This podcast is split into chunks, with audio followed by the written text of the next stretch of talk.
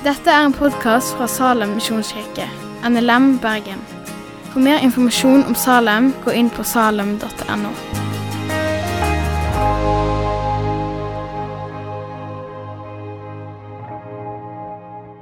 I apostelgjerningene 9, 31, der står det kirken hadde nå fred over hele Judea og Gal Galilea og Samaria. Den ble bygd opp og levde i ærefrykt for Herren, og den vokste, styrket av Den hellige ånd. Den hellige ånd og menigheten. I Bibelen så står det altså at menigheten vokser, styrke av Den hellige ånd. Vi har veldig lett for å tenke at når vi snakker om Den hellige ånd og, nådegaven, så, og menigheten, så snakker vi om nådegaver. Utrustning som menighet. Og Det er en del av sannheten. og Vi kommer dit i løpet av taleserien. Vi kommer til nådegaver, det som kanskje folk ønsker å høre om, og som vi kanskje har underkommunisert litt i mange av våre sammenhenger. Men i dag og neste søndag så skal vi prate hva Den hellige ånd gjør før vi kommer dit. Fordi eh, ja, for eksempel, Hvis du slår opp i bøker om Den hellige ånd i, i gamle dager eller skal vi si, um, ikke så veldig lenge siden heller. Men hvis du fant en bok om Den hellige ånd, da, så ville du se at det står veldig mye om Den hellige ånd som Gud. Det står veldig mye om Den hellige ånd og Bibelen. Det står veldig mye om Den hellige ånd og hvordan han peker på synd og fører til Jesus. Og så kommer det et veldig lite kapittel om nådegaver. Hvis du kjøper en bok om Den hellige ånd i dag, så vil du se at du slår opp innholdsfortellingen, så ser du at det står veldig litt, litt utfyllende om Den hellige ånd som Gud. Og så hopper du over omtrent at Den hellige ånd viser synd og fører til Jesus. Og så er det rett på åndens frukt og nådegaver, det vi vil ha. Det er ikke alltid at eh, nye bøker tar opp det som kanskje er litt tungt av budskap å få. At nemlig at Den hellige ånd viser synd og fører til Jesus. Og Vi har mye å lære av de gamle bøkene, så vi skal stoppe opp. Før vi går på nådegave om noen uker, så skal vi se på det som kanskje ikke virker så spektakulært og spennende, men som er desto mer avgjørende for oss. Og Vi skal starte med å reise søndagens tekst reise. Vi skal starte med å lese, og der står det liksom at vi reiser oss i neste linje. så jeg bare blander litt. Men vi, men vi reiser oss og leser søndagens tekst, for den passer inn i det vi skal snakke om videre. Og vi er i åpenbaringstiden, så vi blir åpenbart hvem Jesus er. Det lille barnet i krybben, og så åpenbarer Bibelen for oss hvem det er. Matteus 3, 13-17. Da Jesus kom fra Galilea til Johannes ved Jordan for å bli døpt av ham. Men Johannes ville hindre ham og sa, 'Jeg trenger å bli døpt av deg, og så kommer du til meg.' Jesus svarte, 'La det nå skje. Dette må vi gjøre for å oppfylle all rettferdighet.' Da lot Johannes det skje. Da Jesus var blitt døpt, steg han straks opp av vannet, og se, himmelen åpnet seg, og han så Guds ånd komme ned over seg som en due, og det lød en røst fra himmelen. Dette er min sønn, den elskede. I ham har jeg min glede. Herre Far, i møte med deg så fylles mitt hjerte opp av gode ord. Men du er helt umulig å beskrive med bare ord. og Derfor Helligånd, ber jeg om at du er her i dag. Åpne Skriften, tolke for oss og gir det til oss til tro og etterfølgelse herfor. Amen. Da skal dere få sette dere. Se for dere overskriften 'Himmelen åpnes, Den hellige ånd kommer ned'. Hvis det hadde vært en overskrift i dagen eller Vårt Land i dag, så mistenker jeg at det ville handle om et møte eller en konferanse der deltakerne hadde følt på kroppen at Den hellige ånd var der, at Gud var der. Og Det ville kanskje vært bevist, manifestert i store gjerninger eller i overnaturlige nådegaver som ble brukt. Jeg sier ikke at det er feil, men noen ganger så kan det spektakulære eller enda oftere den, den atmosfæren som, som, gjør at du kjenner at her er det noe, den blir tatt som et bevis på at Den hellige ånd er nær Det er ikke bare bevis, men den blir tatt som en forutsetning. Det er det som må skje for å tro at Den hellige ånd er der. Det blir for meg problematisk når vi sier at en manifestasjon av Guds nærvær framfor det faktisk at, at Jesus faktisk er her, at Jesus Kristus forkynnes, blir det vi understreker. Eh, det er gitt ut en god bok om dette for noen år siden. Geir Otto Holmås skrev 'Ved en korsvei', som jeg synes er veldig fin, som understreker dette på en god måte. Men, men, i Bibelen, hvis du hadde hatt overskriften 'Himmelen åpnes', Guds ånd stiger ned, så skriver Matteus under den overskriften. Og, og, de andre bibelske forfatterne skriver også det. Hva skjedde da? Jo, det ble forkynt at Kristus er Guds sønn, Messias. Folkens, La oss som menighet aldri legge premisset om at det må en spesiell atmosfære til for at Den hellige ånd er til stede. Fordi Bibelens budskap er at der denne boka åpnes og leses, der Kristus forkynnes, der har Den hellige ånd virka. Det er Guds sannheter til oss. Det er ikke sånn at vi må føle eller skape en atmosfære. Og Vi må ikke tenke at det skjedde under møtet, det beviste at Gud var der. Nei, det som beviser at Gud er her, er at Den hellige skrift åpnes, at ordet forkynnes, og at Kristus blir stor. Og Det har vi som mål hver søndag hver lørdag i Salem at det er det vi gjør. I tillit til at Den hellige ånd kan virke i det stille, i det indre. Den kristne, altså det den kristne kirke har trodd om Den hellige ånd gjennom hele historien, helt fra siden år 700 med den apostoliske bekjennelse og 200 ved den romerske symbolet, som er ganske likt, det blir oppsummert på følgende måte. Jeg tror på Den hellige ånd, en hellig, alminnelig kirke, de hellige samfunn, syndenes forlatelse, legemets oppstandelse og det evige liv.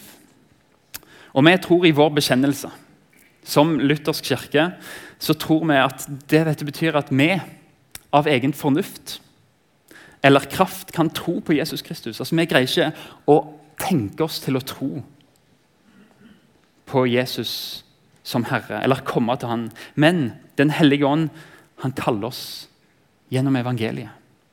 Drar han oss, Han opplyser oss. Han helliggjør oss, altså gjør oss mer lik Jesus, og han holder oss fast i den sanne tro. Og På samme måte så gjør han ikke det bare med deg, men han gjør det med hele den kristne kirka på jorda. Og bevarer den hos Jesus Kristus i den felles kristne tro som vi har. Og I denne kirka så tilgir han daglig meg, deg og alle andre troende alle synder. Og på den ytterste dag så skal Den hellige ånd vekke oss opp, alle døde, og gi meg og alle troende et evig liv i Kristus. Den hellige ånd vinner mennesker, bekjenner vi. Den hellige ånd bevarer mennesker, bekjenner vi. Og I Bibelen så leser vi om at Den hellige ånd utruster mennesker, og at Den hellige ånd sender mennesker. Og at han gjør det til Guds ære.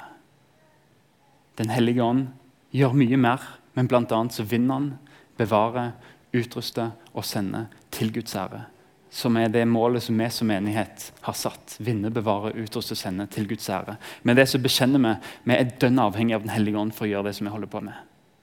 Vi er dønn avhengig. Det er hans gjerninger vi ønsker å se i Salem. Og Den hellige ånds verktøy det er ordet og menigheten. For Den hellige ånd han har hovedoppgaver. Det er å kalle til etterfølgelse av Jesus med å gi oss evangeliet. Det er å gjøre oss mer lik Jesus og holde oss fast i troen og føre oss inn i synstilgivelse og vekke oss opp fra de døde. Det vil si at En dag så skal han vekke deg ømt og mildt og si du må våkne, for nå er brudgommen her og venter på deg. Det er vårt håp.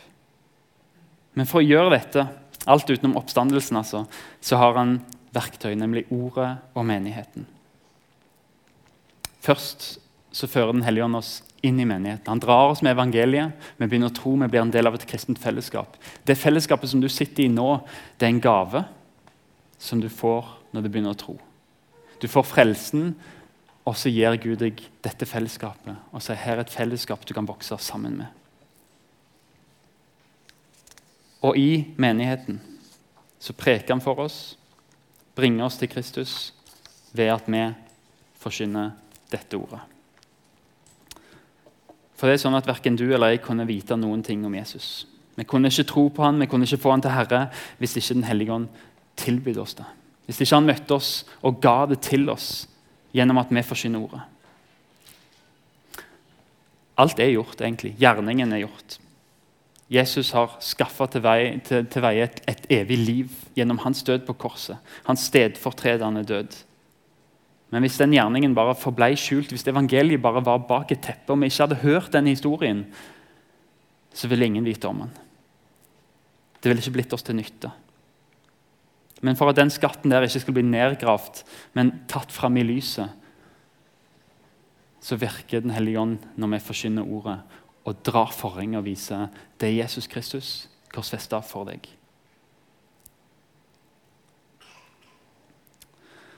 Den hellige ånd er så mye mer enn nådegaver og det spektakulære. hovedsakelig så er det nettopp det dra forhenget og si se. Det er Jesus Kristus korsfesta for deg. I Washington så finnes det en plass der du kan lese grunnloven til USA. Og nært så leser du hele grunnloven. Hvis du går litt på avstand, så ser du at sammen så danner teksten et bilde av George Washington. Den hellige ånd. Når vi leser Bibelen, så kan vi bli litt blinde og bare lese bud og regler og noen løfter her noen løfter der, og kanskje noe veldig rart der. Men når Den hellige ånd kommer og gir oss det hele bildet, så ser han at det er jo Jesus Kristus korsfesta for meg, mine synder, oppstått til mitt håp. Du vet at Den hellige ånd har vært i et møte når vi har lest dette, og når Jesus er forkynt, og du tenker 'For en stor frelser jeg har'. Det handler ikke om følelser, men det handler om at du får se Jesus. Vi skal ikke grave oss ned altfor mye i det teoretiske. For, for, Mye av det jeg har sagt allerede nå, det er ikke mine ord. Noe av det noe av det ikke, men jeg står på skuldrene til kjemper som har skrevet bekjennelsesskriftene våre. Som har formulert det på denne måten. Og Nå skal vi dykke ned og se hva Bibelen sier. Ikke konkret om Den hellige ånd, men som et bilde som jeg har lyst til å gi dere. Fordi dette har vist meg en skjønnhet. Og Jeg er skrudd sammen sånn, men akkurat når det kommer til skjønnhet, så taler det helt ekstremt inn til meg. Og jeg ser eh, Guds storhet i det skjønne. Og denne teksten her har for meg Når jeg ble, fikk prate med noen faktisk forrige uke og spurte hva tenker du om Den hellige ånd og menigheten, så ga han meg dette bildet, og umiddelbart så, så jeg Wow! Den hellige ånd er det er skjønnhet og sannhet. For for meg så henger de to veldig sammen. Vi skal lese 1. Mosebok 24. eller ikke lese, Jeg skal gjenfortelle. Hvis du vil følge historien, så er det i 1. Mosebok 24. Og Det handler om Abraham, som er kalt av Gud, som har fått love at han skal få etter som er som, himmelens, som strandens sandkorn og himmelens stjerner. Og det skal være Guds frelse gjennom hans ett. Og Så skal, får han én sønn, som er Isak. Og Abraham er gammel, langt opp i åra, og begynner å lure på denne Isak skal han ikke snart finne seg ei kone. Og På den tida var det jo faren sin oppgave. Så det her handler rett og slett om Abraham som prøver å finne ei kone til løftesønnen Isak. Og Vi leser fra 1. Mosebok 24. leser litt og gjenforteller litt. Abraham var nå gammel og langt opp i årene, og Herren hadde velsignet ham på alle måter. Da sa Abraham til den eldste tjeneren i huset, han som styrte over alt han heide. Du skal dra til mitt land, der jeg kommer fra. For Abraham var kalt ut av et land og inn til det landet Gud hadde lova. Og så sa han du skal finne ei kone til Isak, sønnen min. Og så sa han pass på at du ikke fører min sønn fra løftelandet og til dit jeg kommer fra. Fordi det er her Gud har gitt meg landet. Dette er landet. Han skal ikke tilbake men kona skal komme hit. Så får han tjeneren sin til å love at han skal finne ei kone, og ikke ta sønnen fra Kanans land, fra det lova land. Så tok tjeneren ti av kamelene til herren sin og dro av sted med alle slags, slags kostbare skatter. Abraham tar tjeneren, gir han ti kameler og masse gaver. Og Så sier han, 'Gå og finn kona til min sønn'. Og Han dro til aramerlandet mellom elvene, til byen der Abraham var fra. Og Så legger han kamelene ned ved en brønn utenfor byen. og det var På kveldingen der de kvinnene pleide å komme ut og hente vann, så sier han til Gud, han ber Herre, du som er Gud for min herre Abraham, la det lykkes for meg i dag å vise godhet mot min herre Abraham. Se, her står jeg ved vannkilden, mens døtrene fra byen kommer for å dra opp vann. La det gå sånn at når jeg sier til ei jente 'rekk meg krukka di', så jeg kan få drikke, og hun svarer, 'Bare drikk, du, og kamelene dine vil jeg også gi drikke.' Da er det hun du har valgt ut for din tjener Isak. Sånn skal jeg vise at du har vist godhet mot Herren min. Og se, før han var ferdig med å be, kom Rebekka. Hun kommer med, skulder, med krukka på skuldra si. Ei vakker jente, står det. Som ingen mann hadde vært med. Og Hun gikk til kilden, fylte opp krukka si med vann. og og Så kommer tjeneren bort og la meg få drikke. Og så svarer hun drikk. Og når du er ferdig, så skal kamelene dine òg få vann. Og Hun dro opp vann til kamelene. Og Tjeneren står der og ser på henne i taushet. For nå skulle han få vite om Herren hadde latt reisen lykkes for ham. Og Da kamelene var ferdig å drikke, så tok mannen fram en gullring. To armbånd av gull. Så sa han, 'Fortell hvem du er'. Er det husrom hos faren din, som vi kan overnatte der? Og så sier hun, 'Jeg er Rebekka, og vi har rikelig av halm av fôr. Kom.' Og Så får han komme inn der, og så setter vi fram mat for han. Og Så sier han tjener, 'Nei, jeg vil ikke spise før jeg har sagt det jeg har å si.' 'Fortell', svarte de. Da sa han, 'Jeg er Abrahams tjener.' 'Herren har velsigna min herre rikt, så han er blitt en stor mann.' Hør nå, Han forkynner Abraham. Han sier, 'Jeg er Abrahams tjener, jeg er ingen.' Men Herren har velsigna min herre. Han er blitt en stor mann. Han har gitt ham småfe og storfe, sølv, gull, slaver og slavekvinner, kameler og esler. Og Sara, min herres kone, har født han en sønn på sine gamle dager. Og han har gitt sønnen alt han eier. Nå har Herren min tatt meg ed og sagt du skal ikke ta en kone til sønnen min blant døtrene i kanoneerne i landet der jeg bor, men du skal dra til mitt fars hus og min slekt for å hente en kone til sønnen min. Og Så gjenforteller han hele historien om Abraham som sender han, om han kommer til Rebekka og kamelene som får drikke. Og så, og så sier Laban, onkelen, eller broren til, til Rebekka dette er jo fra Gud, vi kan ikke si noe, verken for eller mot. Se, her står Rebekka foran deg. Ta hun med. Hun skal bli kone for sønnen til herren din, slik Herren har sagt. Da Abrahams tjener hørte det, bøyde han seg til jorden for Herren. Så, tok fram, frem. så tok han fram klær og smykker av sølv og gull og ga dem til Rebekka. Han hadde også kostbare gaver til broren og moren. Siden spiste og drakk de, han og mennene som var med ham, og de ble der natten over. Og Så går natta, og så sier han nå vil jeg reise. Kan jeg få ta med Rebekka? Så spør de ja, Vi kan ikke svare. Hun skulle egentlig vært her noen dager til. Men la oss spørre henne sjøl. Så spør de Rebekka vil du reise med denne mannen. Hun svarte ja, jeg vil reise. Så sendte vi Rebekka av gårde. Og Hun går opp på kamelene og fulgte tjeneren gjennom ørkenen. Han tok Rebekka, tok vare på henne gjennom farer, gjennom tørke, gjennom sult. Hadde mat til henne hadde klær til henne, hadde en plass hun kunne hvile, hadde en kamel hun kunne sitte på. Så kommer de omsider fram. Isak, som holdt til i Negev, kom nå fram til Hairoi-brønnen. Ved kveldstid tok han en tur ut på marken. Han så opp, og Der fikk han se noen kameler som nærmet seg.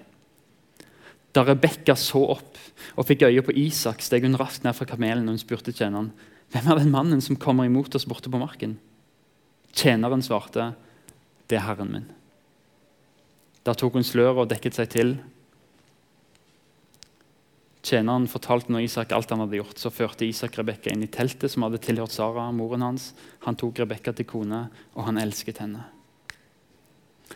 Denne tjeneren er et bilde på Den hellige ånd.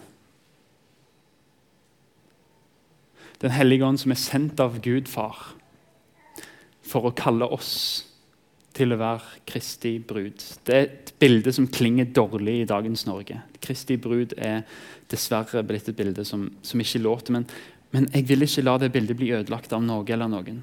Og Jeg skulle ønske at jeg var en skjønnlitterær forfatter når jeg skulle prøve å beskrive hva det egentlig som skjer. Fordi Abraham, som er rik og full av velsignelser fra Gud, og som har gitt alt til sønnen sin Isak og Så sier Abraham men han trenger også ei kone. Ei som han kan dele all denne overfloden med. Og Så sender han tjeneren sin for å få tak i en brud til sin sønn. Og Sånn er Den hellige ånd sendt for å kalle deg til å være brud. Men han tvinger ingen. Han viser rikdommen. Han viser hva det er du kan få i Gud, hva det du kan få hos Jesus, sønnen. Og så er det evangeliet. Så kaller han deg så sier han, vil du ikke ha dette.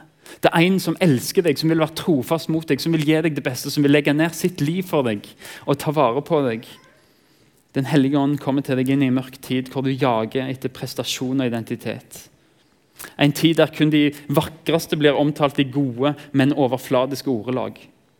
En tid der vi alle jager etter å bli elsket for våre egenskaper og handlinger, i stedet for å bli kalt til å være en konges brud. Elska fordi han elsker, ikke fordi du er så spesiell. Abraham var spent på hva tjeneren ville komme hjem med. Det var Abraham, og bildet halte fordi Gud er intensjonell. Gud kjente deg fra mors liv. Og han sendte Den hellige ånd til deg og sa det er deg jeg vil ha. Det er deg jeg elsker. Han gjør alt for at du skal takke ja til det frieriet. Han gir deg absolutt alt. Sin egen sønn, ja, sitt eget liv. For at du skal komme inn til det landet som han har lova. Til himmel. Og Når far er villig til å gi deg Jesus, det er et bevis på at han er villig til å gi deg alt. Og Du kan tenke på himmelen og du kan tenke ja, men der skal vi få litt fred, litt fred, litt glede. Litt lys, liv og fellesskap, tilgivelse, barmhjertighet, framtid og håp. Men Gud nøyer seg ikke med å gi det til deg som enkeltgaver. Han tar hele himmelen i én gave og gir deg sin sønn, han som er alt dette. Fordi Jesus er Guds nådegave. Evig liv. Gaven som viser deg din endelige verdi. Som er totalt uavhengig av din prestasjon eller hva det skulle være. Gaven som gir deg fred, uavhengig av dine omstendigheter. Gaven som gir deg håp, uavhengig av din livssituasjon. Gaven som gir deg fremtid, uavhengig av din diagnose. Jesus er fred, han er glede, han er lys, han er liv, han er fellesskap. Tilgivelse, barmhjertighet, fremtid og håp. Han er arven som venter på den som lar seg kalle. Når Den hellige ånd kommer og viser Se. Se Sønnen som vil elske deg. Vil du bli med meg? Og på reisen så har han gaver. Og på reisen så har han omsorg og trøst og sikkerhet. Og Den hellige ånd går sammen med oss gjennom ørkenen. Og hans mål er endelig å komme fram og si Se, der er brudgommen din. Og når døden kommer, vekker det gømt og si Nå er du her. Du må våkne. Brudgommen venter på deg. Han har lengta etter deg. Når du lengter etter noe mer i livet, når du sitter og tenker er dette alt? Og Når du ser filmer eller leser historier om kjærlighet som er så uendelig stor, og det klinger i sjelen din Ja, det er en fiktiv historie, men, men denne skjønnheten i det, det er noe som resonnerer i meg. Så er det fordi det er sant, fordi det fins den store historien der Gud kaller på deg ved sin hellige ånd. Det er en hellige ånd som frir. Og han vil gi deg en brudgom, en arv. Lova være Gud, vår Herre Jesu Kristi Far. Han som i sin rike miskunn har født oss på ny, til et levende håp ved Jesu Kristi oppstandelse fra det døde. Til en arv som aldri forgår, aldri skitnes til og aldri visner. Men den er gjemt i himmelen for dere. Dere som i Guds kraft blir bevart ved tro. Sånn at når dere når fram til frelsen, den ligger alt ferdig til å bli åpenbart ved tidens ende. Den reisen leder Den hellige ånd deg på. Rebekka ble bruden. Og Kan du egentlig kjenne et vakrere bilde på en kristen eller på kirka? Fordi når Den hellige ånd får føre oss fram til Jesus, så blir vi hans brud. Og Det er vakkert rent menneskelig. Den, den dagen der du, en brud føler seg vakrest i hele livet. Og Vi kan se hele menigheten snur seg når bruden kommer inn, og det stråler. Og det er rent vakkert, rent bibelsk. Det er en brud som er ren og hvit, pynta for sin brudgom. Og Sånn skapte Gud verden. og sa Det første som skjedde, var at Gud sa til mannen og kvinnen at de skulle være et ektepar. Der starter Bibelen. Og Så fortsetter det med at Gud kaller på israelsfolket og sier jeg vil være som en ektemann for dere. Dere skal være som en brud for meg. Men så er israelsfolket ulydige. og likevel så, så, Selv om de er utro, så rekker Gud hånden ut og sier men jeg vil aldri elske dere. Jeg vil aldri slutte å elske dere, for min kjærlighet er evig. Og så er det bildet på Jesus, som er mannen som legger ned sitt liv for at kirka skal få leve, og som prioriterer kirka foran seg sjøl, sånn mannen skal prioritere kvinnen foran seg sjøl. Og så er Den hellige ånd i Bibelen som renser bruden, som fører oss fram til Jesus. Og så er det i åpenbaringen 19 bryllup i himmelen. La oss glede oss og juble oss og gi Han æren, for tiden for lammets bryllup er kommet. Hans brud har gjort seg i stand, og hun har fått en drakt av skinnende rent lin. Linet er de helliges rettferdige gjerninger. Du er bruden som Den hellige ånd kaller. Den første gjerningen Den hellige ånd gjør. Og så vil han lede deg med sine gaver helt til du en dag kommer fram for din brudgom. Og så er vi alle brudesvenner som sammen her i Salem er kalt av Den hellige ånd for å være med på ferden mot brudgommen. Den hellige ånd bevarer oss og renser oss og gjør oss klar til å møte brudgommen gjennom at vi bruker fellesskapet og dette ordet og formaner hverandre og er satt sammen her i Salem ved Den hellige ånd for at vi skal støtte hverandre. Og minne hverandre på du må ha olje på lampen når brudgommen kommer. For å bruke et bilde Jesus bruker. Du må være klar. Du må være våken. Og jeg så en ny himmel, en ny jord.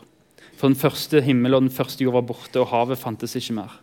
Og jeg så den hellige byen, det nye Jerusalem, stige ned fra himmelen, fra Gud, gjort i stand og pyntet som en brud for sin brudgom. Og jeg hørte fra tronen en høy røst som sa, Se, Guds bolig er hos menneskene. Han skal bo hos dem, og de skal være hans folk. Og Gud selv skal være hos dem, og han skal være deres Gud. Han skal tørke bort hver tåre fra deres øyne, og døden skal ikke være mer. Heller ikke sorg eller skrik eller smerte, for det som en gang var, er borte. Det er bryllupsfesten du er invitert til. Gjennom at Den hellige ånd bruker ordet og sier dette gjelder deg.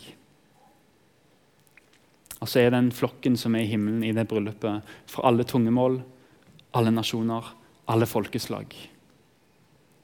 Og så er det vår oppgave å tenke at den familien skal ikke bare være Salem, men det skal være Indonesia, det skal være Peru og Bolivia, Øst-Afrika, Sentral-Asia, Nord-Afrika.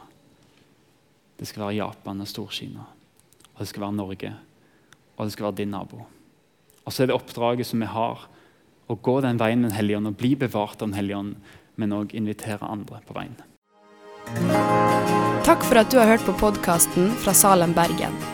I Salem vil vi vinne, bevare, utruste og sende. Til Guds ære. Vi ønsker å se mennesker finne fellesskap, møte Jesus og bli disippelgjort her i Bergen og i resten av verden. Vil du vite mer om oss, gå inn på salem.no.